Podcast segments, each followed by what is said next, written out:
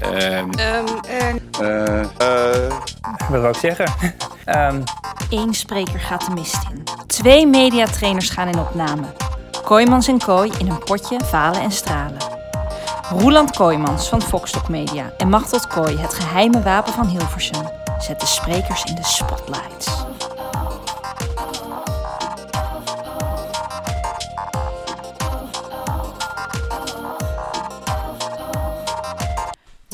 Wat leuk dat we weer bij elkaar zijn voor een nieuwe aflevering. Waarom moeten we nu al zo lachen? Omdat ik weet waar je naartoe wil. eh. Ja, kijk, vorige keer ben ik echt met de billen bloot gegaan. Ik heb iets afschuwelijks toegegeven. Ehm, dat was aflevering 11. Nu is het aflevering 12. En jij hebt een belofte gedaan, namelijk volgende keer ga ik iets toegeven. Ja. Wat er bij jou ooit is misgegaan bij het presenteren of misschien wel bij het lesgeven.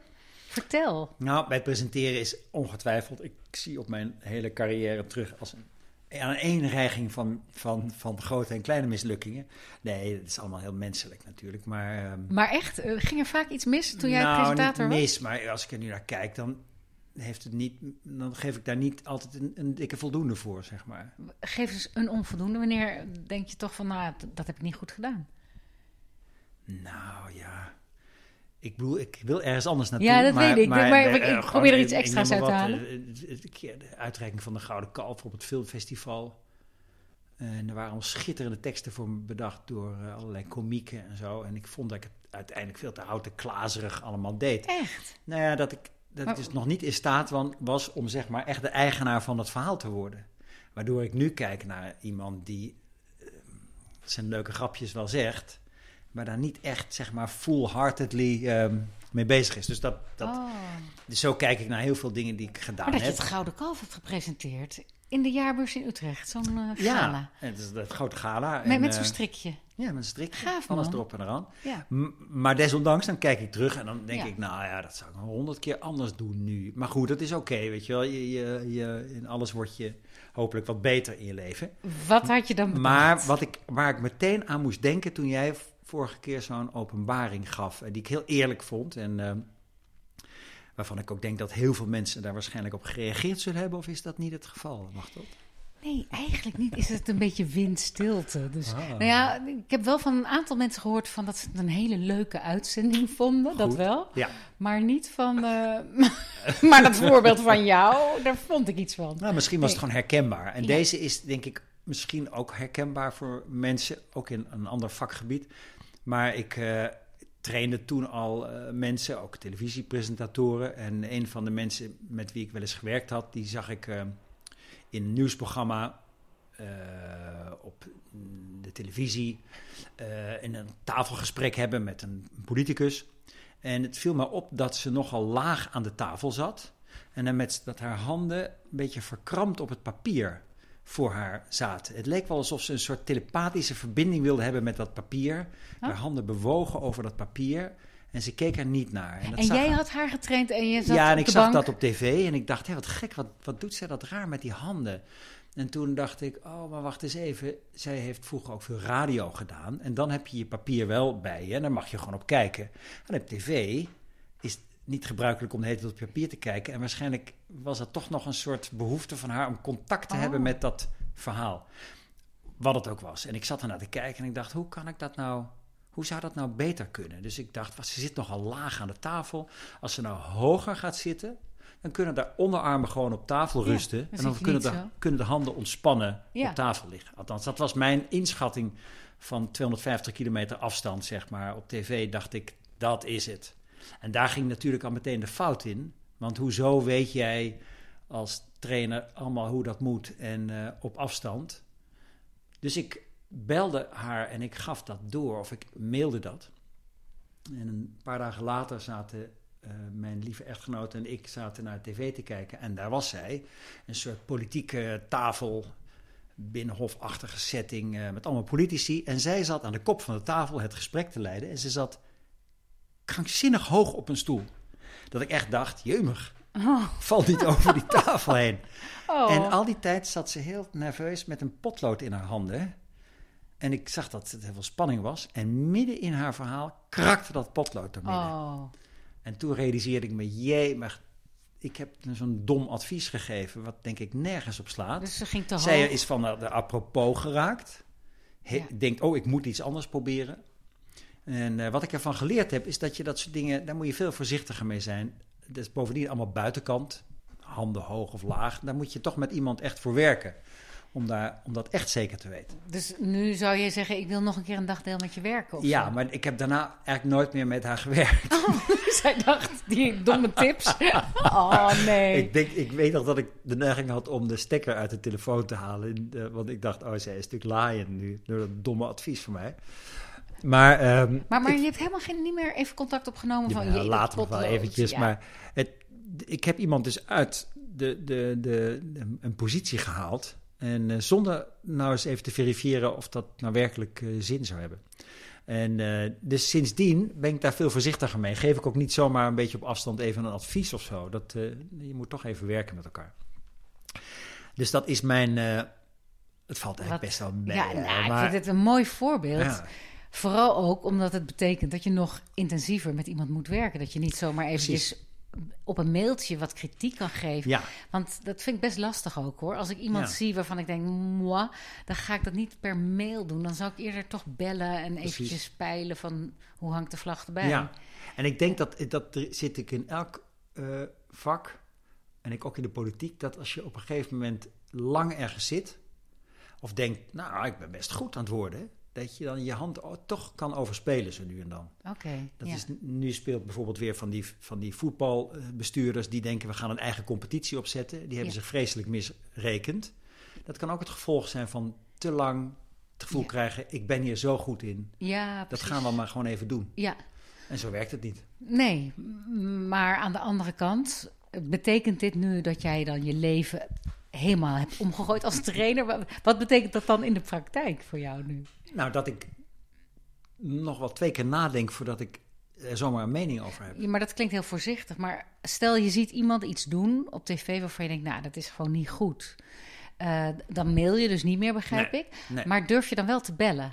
Eh, Als bijvoorbeeld ook iemand is die jij niet zelf getraind hebt. Ik zou dat namelijk niet zo gauw Nee, doen. dat vind ik aanmatigend. Ja. Zo van daar, Maar als het iemand is die je wel getraind hebt, maar jaren geleden, zou je dan bellen?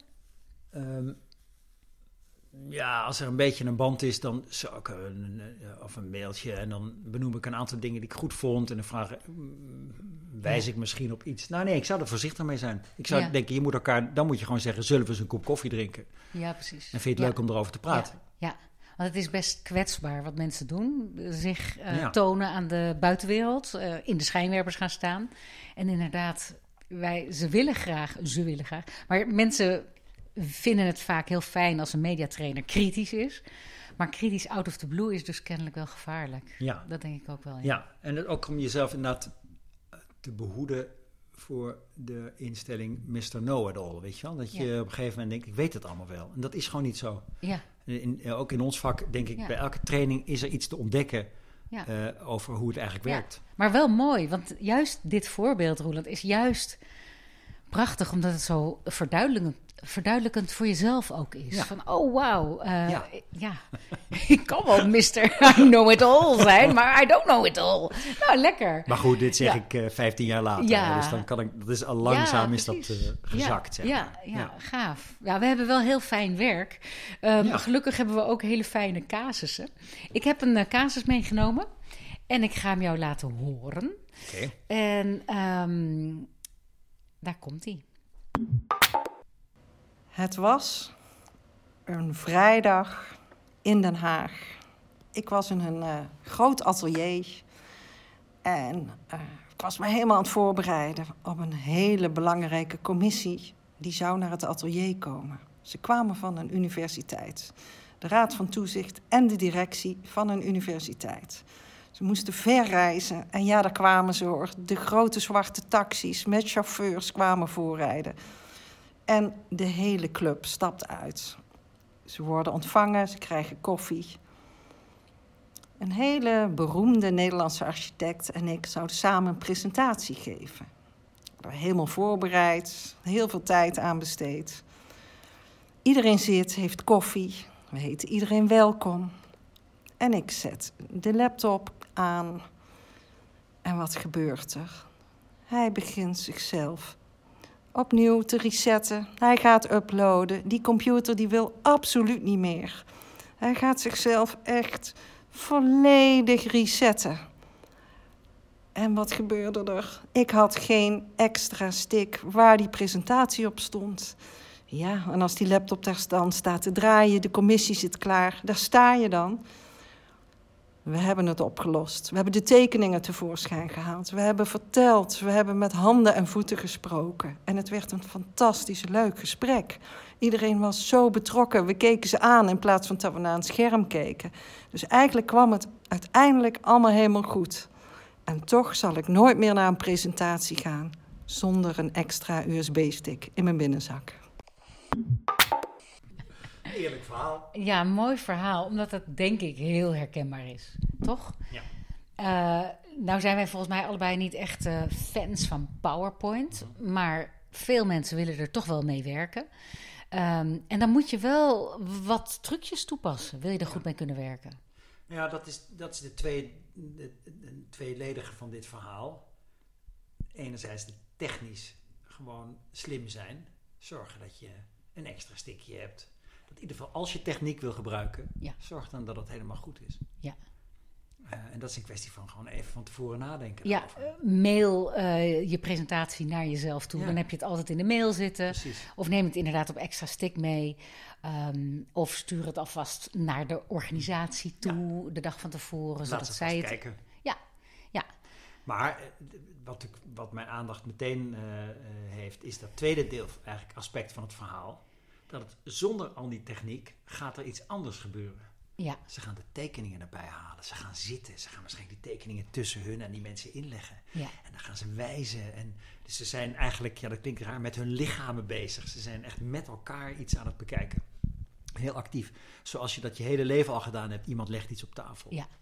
En blijkbaar vindt iedereen dat toch ook heel fijn. En daar gaat het uiteindelijk om bij presenteren. Maar zo vaak wordt de PowerPoint gebruikt als een geheugensteun. En vooral ook om de inleiding erop te zetten. Nou, als ik iets irritant vind, als ik in een zaal zit en iemand zegt: eh, Dag allemaal, eh, we gaan vandaag de volgende punten doen. En dan krijg je zo de inhoud van de bespreking, Bullet de bullet points. En als het er dan vijf zijn, nou, je kan me wegdragen. Dat klinkt dan zoveel en zo'n gedoe en zo. Terwijl. eh, ik denk van we zijn inmiddels allemaal van de televisiegeneratie en veel sneller gewend van laat het gewoon zien. Begin gewoon en vertel het me maar. En dan hoef ik niet te weten dat ik in punt 3a zit. Ja. Ja. Eh, dus begin en eh, zorg dat je me pakt. En inderdaad, hoe beeldender, hoe leuker. Dus laat iets zien. Ja. Maar ik, ik luisteraars, uh, Machtel trok een heel vies gezicht toen ze dit net allemaal vertelde over die bullet points. En dat is natuurlijk wat er ook in een zaal gebeurt. Want je ziet die bullet points en je denkt, oké, daar gaan we. Daar gaan we weer. Ja. We, we weten dit al. Ja, dus, dus voor de zaal is het geen feest. Maar voor jezelf is het een geheugensteun. Nou, als je die geheugensteun nodig hebt, zorg dan op voor een mooi sprekerskaartje. En zet die vijf bullet points, of die, die, onderdelen van jouw presentatie. Vijf is trouwens al veel. Ik zou proberen het terug te brengen tot drie elementen. En zet die gewoon op een mooi sprekerskaartje. Vooral met het logo van de organisatie aan de juiste kant. Zodat de mensen in de zaal dat juiste logo zien. Ik heb één keer een presentatie gezien van iemand die was aan het bijklussen. En die had het logo van die ochtend nog op haar kaartje staan. Terwijl ze smiddags echt ergens anders was. Maar goed. Maar dat, dat, dat Ja. is waar het vaak voor gebruikt wordt. Het is een steun. Ja, En eh, eh, eigenlijk, dat is iedereen in een zaal duidelijk. Dat die presentator het eigenlijk voor zichzelf nodig heeft. En wat hij daarmee dus is etaleert, is zijn eigen behoefte aan een houvast tijdens dit verhaal. ja, Terwijl, wat is het fijn om naar iemand te luisteren die niet krampachtig naar houvast zoekt, maar weet wat hij wil vertellen. ja, dat is En heerlijk. zich ook permitteert om het even niet te weten, even na te denken, op een papiertje te kijken en dan weer verder gaan. Maar dat vinden mensen spannend en eng. Ja. Dat is ook spannend. Ja. Als je op een punt komt in je presentatie dat je denkt: oh, wat nu, wat nu, wat nu? Ja. Die paniek. Ja, Ja. Maar, maar loop dan eventjes terug naar je presentatieplek. Daar leg je je papieren. Je kijkt even en je denkt: oh ja, punt 3a. precies. Nou, en dan loop je weer naar het midden en je kijkt de zaal aan en je zegt. Een waanzinnig voorbeeld wat ik ooit meemaakte is. Ja. nou ja, en dan kom je met iets. Dat is interessant als je Ja. bedenkt, wat doe je, wat, waar trakteer je dan die zaal eigenlijk op als je dat doet? Je laat je gewone gedrag zien.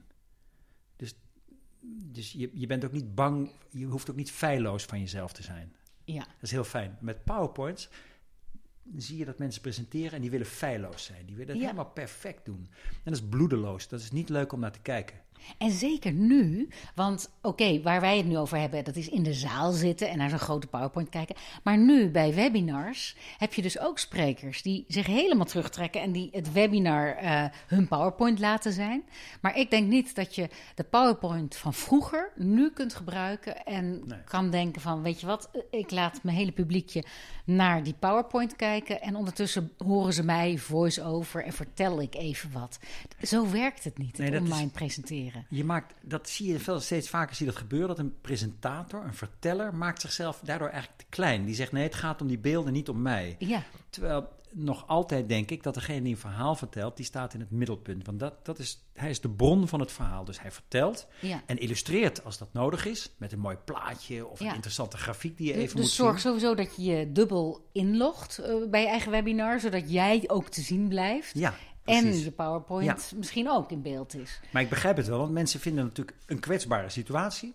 En het eerste wat dan prettig lijkt is, ik cijfer mezelf weg. Ik ga, ik ga mezelf Ja. kleiner maken dan die PowerPoint.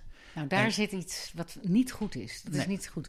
Ik heb eh, nog een heel leuk fragment van eh, Arnoud van den Bossen, een Vlaming. En dat gaat over PowerPoint. Want eh, mensen kennen misschien wel dat ene voorbeeld van Death by PowerPoint. Maar dat is jaren geleden. En Arnoud heeft een actuele voorbeeld.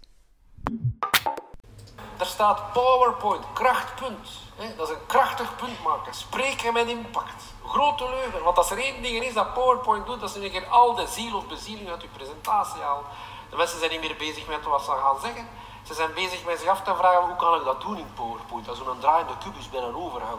Of zo'n achtergrond aanpassen en dan een video toevoegen. Maar hoe doe ik dat dan met een USB-stick? En dan moet ik dat aanpassen zodanig dat iedereen dat kan zien. En dan, hoe moet je dat dan afdrukken? En op duur zijn je zodanig bezig met die PowerPoint en die animatie en die vallende pijl dat je niet meer weet wat dat je gaat zeggen. En op de, je bent tot drie uur s'nachts bezig en je weet het gewoon niet. Tot drie uur s'nachts bezig en je weet het allemaal niet. Dan ben je alleen maar bezig met die techniek, die Ja. vallende pijlen. En dat filmpje toevoegen, want dat is ook gedoe. Hoe haal iedereen weet, iedereen iedereen kent herkent dit. Ja, dat gemier met, Ja. met die techniek. Ja, dus het is zo lekker om het eens anders te doen. eh, om te denken van, weet je wat, oké, ik, ik eh, ben gevraagd om een eh, presentatie te geven, maar moet het wel met een PowerPoint? Ehm, moet het met een PowerPoint met tekst? Nee. Nee. Probeer die tekst weg te halen en probeer er beelden van te maken. En als jij je verhaal dan alleen maar met beelden gaat vertellen, dan kom je bij iets waar wij allebei volgens mij ontzettend van houden. Ik heb het ooit een keer gedaan toen ik eh, ja, een presentatie moest houden voor de gemeente Utrecht. Ik was eh, voorzitter van de ondernemersvereniging van de straat waarin ik woon. En ze vroegen mij om een eh, presentatie te houden. En ik zei, jawel, maar dan ga ik het doen met een petja kucha. En dat zijn eh, twintig voorbeelden, twintig voorstellingen, twintig foto's. En je regelt je PowerPoint zo in dat ze iedere 20 seconden veranderen. En dat is een waanzinnige choreografie die je dan krijgt. Want vind maar eens 20 beelden bij jouw verhaal. En dan moet je ook nog je verhaal zo vertellen dat het matcht met die achtergrond. Ja. En dan krijg je dus een presentatie van maximaal 6 minuten 40 seconden. Ja. En dan is je hele verhaal verteld. Ja, en het zijn zeg, twintig diamantjes, kanten van een diamantje die je laat zien. Twintig facetten van je verhaal. En dan komt er weer een nieuwe foto, weer verder. Ja. Ja, prachtig. Jij hebt ook wel eens een, eh, Ja. een gehouden, toch? Ja, en, eh, en, en eh, ik heb hem ook mensen laten maken. En eh, het is lang niet altijd makkelijk, want eh, in het begin is het best lastig om je aan die 20 seconden te houden en dan weer een nieuwe plaatje te hebben. Maar wat mij opviel is, als mensen een Pecha Kucha voorbereiden, dan is dus de opdracht, ga eens 20 foto's uitzoeken die associatief zijn voor je, bij jouw verhaal. En wat ze dan doen, door die foto's te gaan zoeken, is, die, is een andere laag van hun verhaal eh, illustreren. Dus bijvoorbeeld vertellen bijvoorbeeld een ingewikkeld verhaal over een hele lange weg die ze moesten afleggen om ergens in een bedrijf te komen. En dan kiezen ze een foto bijvoorbeeld van een woestijn met een weg die heel lang is. En daarmee belichten ze eigenlijk een non-verbaal aspect van hun verhaal. Eh, De eindeloosheid, zeg maar. Ja. Dus ze zoeken bij hun verhaal die laag op. En als ze dat gedaan hebben en die 20 foto's gevonden hebben, de meeste van hen zeggen: Oh, mijn verhaal, ik kan het nu al dromen. Ik, ik, ik, heb, ik heb er ook plezier in om het te vertellen. Ja. Want ik heb zulke mooie foto's. Ja. Dus daar- de, je verkent je verhaal eh, op een leuke manier. Veel meer dan inderdaad met zo'n PowerPoint. Ja. Waar je alleen maar met techniek zit Maar wat leuk om dat ook tijdens een training te doen. Ja. Of gaf je ze het waarschijnlijk wel als huiswerk, dat ze vooraf Ja. al die twintig Ja. beelden moesten zoeken. En ehm, heb jij dan ook wel eens de opdracht gegeven van zoek er dan één beeld bij wat er niets mee te maken heeft? Dat doe jij. Dat doe ik. Ja? En wat Ik- gebeurt er dan? Nou, ik zorg. Ik moest. eh, of nee, ik moest. Ik ging een keer een Kucha houden over Cicero. Dat is eh, ja, een van de grote sprekers van vroeger uit de, uit de oudheid. En ik had van tevoren tegen mezelf gezegd: ik ga er eentje tussen doen die er niet bij hoort. En het gewoon om het, de lol in het presenteren vast te houden. En toen had ik De Zwaan van Asselijn, dat prachtige schilderij uit het eh, Rijksmuseum, had ik ertussen gedaan op eh, twee derde. En die paste eigenlijk heel goed in het verhaal. Omdat daar ging ik toen iets bij vertellen. Wat ik natuurlijk van tevoren ook had bedacht. Hè, van je moet je vleugels durven uitslaan. En je moet je breed maken. Je moet je durven laten zien aan het publiek. Ook als het anders verwacht wordt van je. Nou ja, het, het paste uiteindelijk weer wel. Maar het beeld was zo leuk onverwacht. Ja. Dus eh, dat zou ik ook aan mensen willen meegeven. Zorg altijd voor een verrassing op twee derde van je speech of je Ja. verhaaltje. Zelfs als je online gaat presenteren. Nou, en eh, ver- een verrassing kan dus dat afwijkende beeld zijn, ja, bijvoorbeeld. Ja. dat, dat kan zeker. Het, het verrast jezelf, het houdt het presenteren leuk. Hmm. En het verrast de toeschouwers. Ja, dat is leuk dat je dat zegt. Dat, dat zo'n plaatje, bijvoorbeeld, wat je van tevoren bedacht hebt, dat is een verrassing voor het publiek. Maar het is inderdaad voor jezelf. Ik herinner me dat wel eens dat ik ook iets heel mooi plaatje dan wist dat het eraan zat te komen en dan verheugde ik me erop. Dat is Dus dan het. verheug ik op het verhaal, op het moment wat straks gaat komen. En als je op het moment dat je gaat verheugen, is er helemaal geen ruimte meer om iets van podiumvrees te voelen. Of dan Ja. is dat weg. Ja, nou, we zijn het eh, ongelooflijk met elkaar Ja. eens vandaag. Dat is haast saai. Ik ga er iets eh, anders tegenaan gooien. Nog, nog een voorbeeld wat ik eh, bij me heb van John Bohannon. Die gaf in Brussel een TEDx. En die dacht van, weet je wat, een PowerPoint, een PowerPoint is een beetje saai, kan dat niet anders. En die liet dansers zijn PowerPoint dansen. Dus die had een heel verhaal, een heel serieus verhaal over eh, mathematica. Komt-ie. I think that bad PowerPoint presentations are a serious threat to the global economy.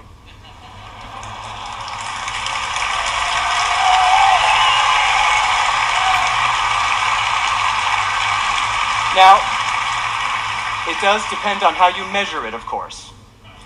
But one estimate has put the drain at $250 million per day.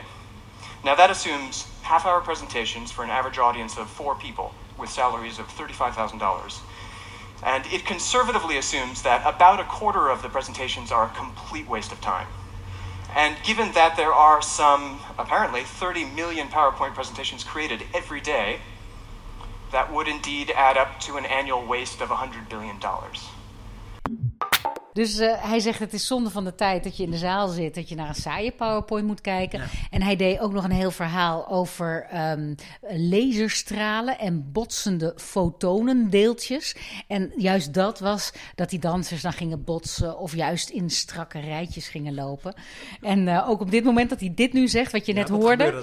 En, eh, ja, gingen die, die mensen ook in elkaars armen springen en zo. Je moet het gewoon even googlen. John Bohannon. Het, het Ja. mooie is, dat is eigenlijk net als die Petja Kucha. Wat zij doen is dus associatief een verhaal bij zijn verhaal. Dus Ja. het, heeft ermee te maken en, en, en op een andere laag, zeg Ja, maar. Dat maar het grappige is, het hoeft dus ook niet precies hetzelfde. Nee. Want vroeger werd er gezegd, ja, tekst en beeld moeten overeenkomen. De schaar van Wember, weet je nog? Nou, dat is allemaal passé. Dat was vorige eeuw, jaren 50. Nu is het juist zo van, we kunnen best wel wat aan hoor. Dus kom erop met beelden en kom erop met een verhaal. En samen wordt het wel wat. Ja, want je kent ook wel bij PowerPoint soms die brave plaatjes die je dan ziet. Dan zegt iemand, eh, ja, en de vraag is nu hoe we in deze situatie, welke kant we met het bedrijf op moeten. En dan hebben ze een plaatje van een verkeersbord Ja. met verschillende richtingen. Dat is zo'n plaatje waar het zo volledig één op één is. Ja, dat is En dat is cliché. cliché en truttig. Ja. En, eh, en- Zijn er nog vragen? En dan een groot vraagteken in beeld. Maar mensen realiseren zich niet dat er op dat moment foto's worden gemaakt. En dat jij dus met een groot vraagteken in beeld op de foto foto komt. En dat dat de herinnering wordt van, nou, fantastische lezing gehad. Dat willen we toch niet? Ja. Dus zorg voor eh, oorspronkelijke beelden. Wel beelden die fullscreen zijn. Dus niet daarnaast ook nog eventjes voor de zekerheid, maar die tekst. Ja. Nee, geen bullet points, Nee, geen beelden. tekst, beelden. Maar dus bijvoorbeeld, stel dat een, een, een, een hersen... eh, eh, weer? Chirurg? zo'n verhaal heeft over de werking van het geheugen. Dat hij bijvoorbeeld een plaatje van Rutte ertussen heeft in de Tweede Kamer. Nee, dat is dat Ja, is ja, als- als patiënt, ja, zeg maar. precies. Nee, dat was de vorige aflevering. Daar gaan we, die weg gaan we niet in. We gaan de andere afslag nemen. Ehm, de samenvatting. Zorg voor plaatjes of filmpjes eh, geen en geen tekst op je PowerPoint. Eh, als je je PowerPoint online gaat delen, zorg dan dat jij ook nog te zien bent. Ja. En ehm, sowieso zou je kunnen denken van, weet je wat, eh, bijvoorbeeld de hele inleiding, ehm, dan ben ik nog wel in beeld en ik begin hem wat later, die PowerPoint. Ik ga niet meteen delen, maar je kan ook halverwege even stoppen met delen, zodat je weer fullscreen in beeld komt. Dus zorg dat jij zoveel mogelijk te zien bent. Ja. Neem, als je ergens naartoe gaat, later weer voor je presentaties, je PowerPoint op stikje mee. eh, mail hem naar jezelf. Zorg ook voor een oplader. Zorg dat die techniek allemaal klopt. Eh, PowerPoint is dus geen spiekbriefje. Eh dubbelcheck de techniek. Beheers je verhaal ook zonder PowerPoint. En tot slot, waar we het nog niet over gehad hebben, maar wat wij allebei vast wel vinden, is dat als je dan eventueel ooit weer voor een zaal komt te staan, ga niet met je rug naar het publiek staan en de hele tijd je eigen PowerPoint bekijken. Maar vraag vooraf aan de techniek een monitor. Zodat je rechtuit kan blijven kijken. Ja. In het licht ook. Naar niet de in zaal. het donker ergens staan. Ja, En natuurlijk laatste tip. Want als je nieuwsgierig bent naar die Pechakucha, of zoals je het in Japans zegt, Pechakucha. ehm, dan zijn er tal van sites waar je naartoe kan. Maar de bekendste is eh www.pechakucha.com. En Pechakucha schrijf je P-E-C-H. Nee, A, ja, P-E-C-H-A-K-U-C-H-A. Pechakucha. En eh, er zijn allerlei leuke evenementen in Nederland en in de hele wereld. Avonden die orga- georganiseerd worden waarin mensen eh, hun Pechakucha kunnen vertellen van 6 minuten 40. Daarna is er gelegenheid om lekker een glaasje wijn te drinken en te kletsen. En dan komt er weer een Pechakucha. Dus je kan dat eh, op heel veel plekken in Nederland kan je dat beleven en eens kijken hoe dat eruit ziet. ja dat, dat is fantastisch als dat weer eh, gaat draaien Ja. in de theaters, Precies. in, in de zaaltjes. Eh, maar nu dat nog niet zo is, kunnen wij misschien ooit eens een soort Pechakucha karaoke gaan verzinnen. Dat wij mensen gewoon zomaar beelden geven en dat ze er een verhaal bij moeten hebben. Wie weet kunnen we daar ooit nog eens een plannetje voor smeden. Voor die tijd gaan we gewoon nadenken over de volgende aflevering en die is er weer over twee weken. Tot dan. Tot dan!